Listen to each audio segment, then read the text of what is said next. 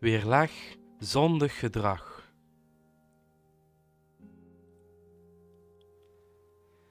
Twee Timotheus 3, vers 16. Heel de schrift is door God ingegeven en is nuttig om daarmee te onderwijzen, te weerleggen, te verbeteren en op te voeden in de rechtvaardigheid.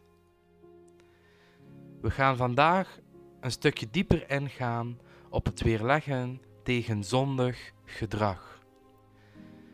Paulus zijn bevel aan Timotheus was als volgt: Predik het woord, volhard daarin, gelegen of ongelegen, weerleg, bestraf, vermaan en dat met alle geduld en onderricht.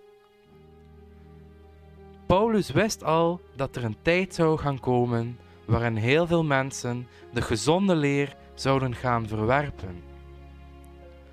We lezen dat ook zo in 2 Timotheus 4, vers 3 tot en met 4. En daar staat: Want er zal een tijd komen dat zij de gezonde leer niet zullen verdragen, maar dat zij zullen zoeken wat het gehoor streelt, en voor zichzelf leraars zullen verzamelen overeenkomstig hun eigen begeerten.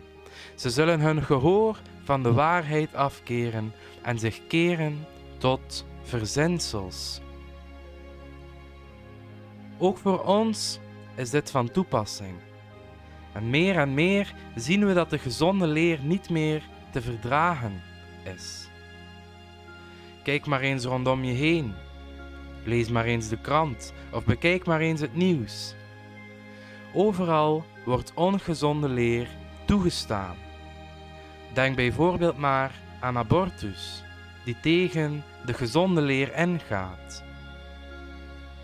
Maar ook onder de christenen is dit van toepassing. Veel mensen die beleiden Christus lief te hebben, schijnen een afkeer te hebben voor Gods woord. Ze vervallen in een geestelijke zelfvoldaanheid, als het ware.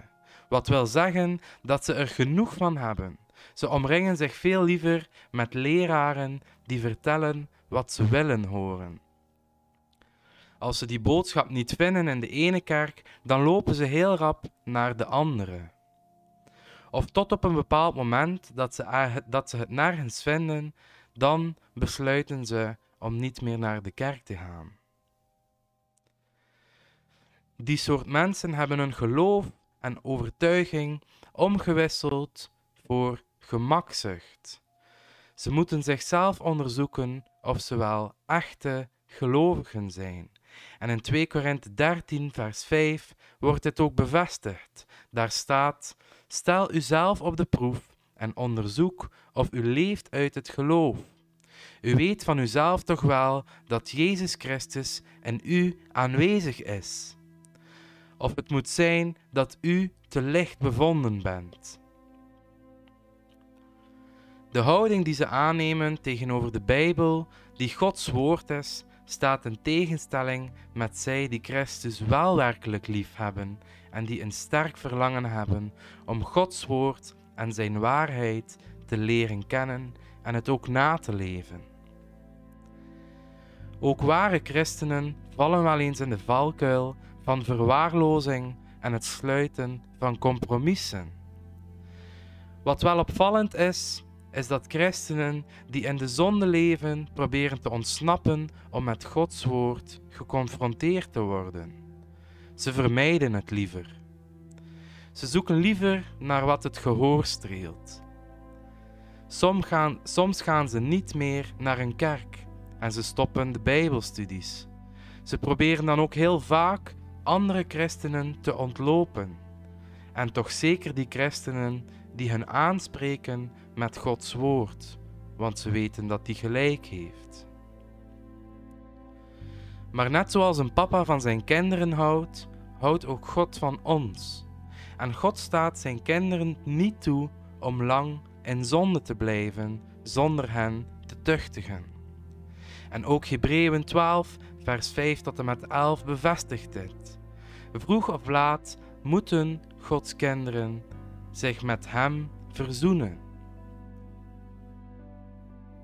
Een heel belangrijk element in de bekering van christenen die in zonde leven, is het gebed van andere christenen. En misschien wilt God jou gebruiken daarvoor. Wees daarom altijd bereid om te bidden en anderen tot bekering te leiden in een geest van zachtmoedigheid.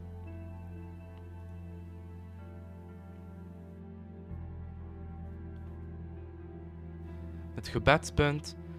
Als je iemand kent die zich in de zonde bevindt, bid voor die persoon en laat die persoon weten dat je voor hem of haar bidt.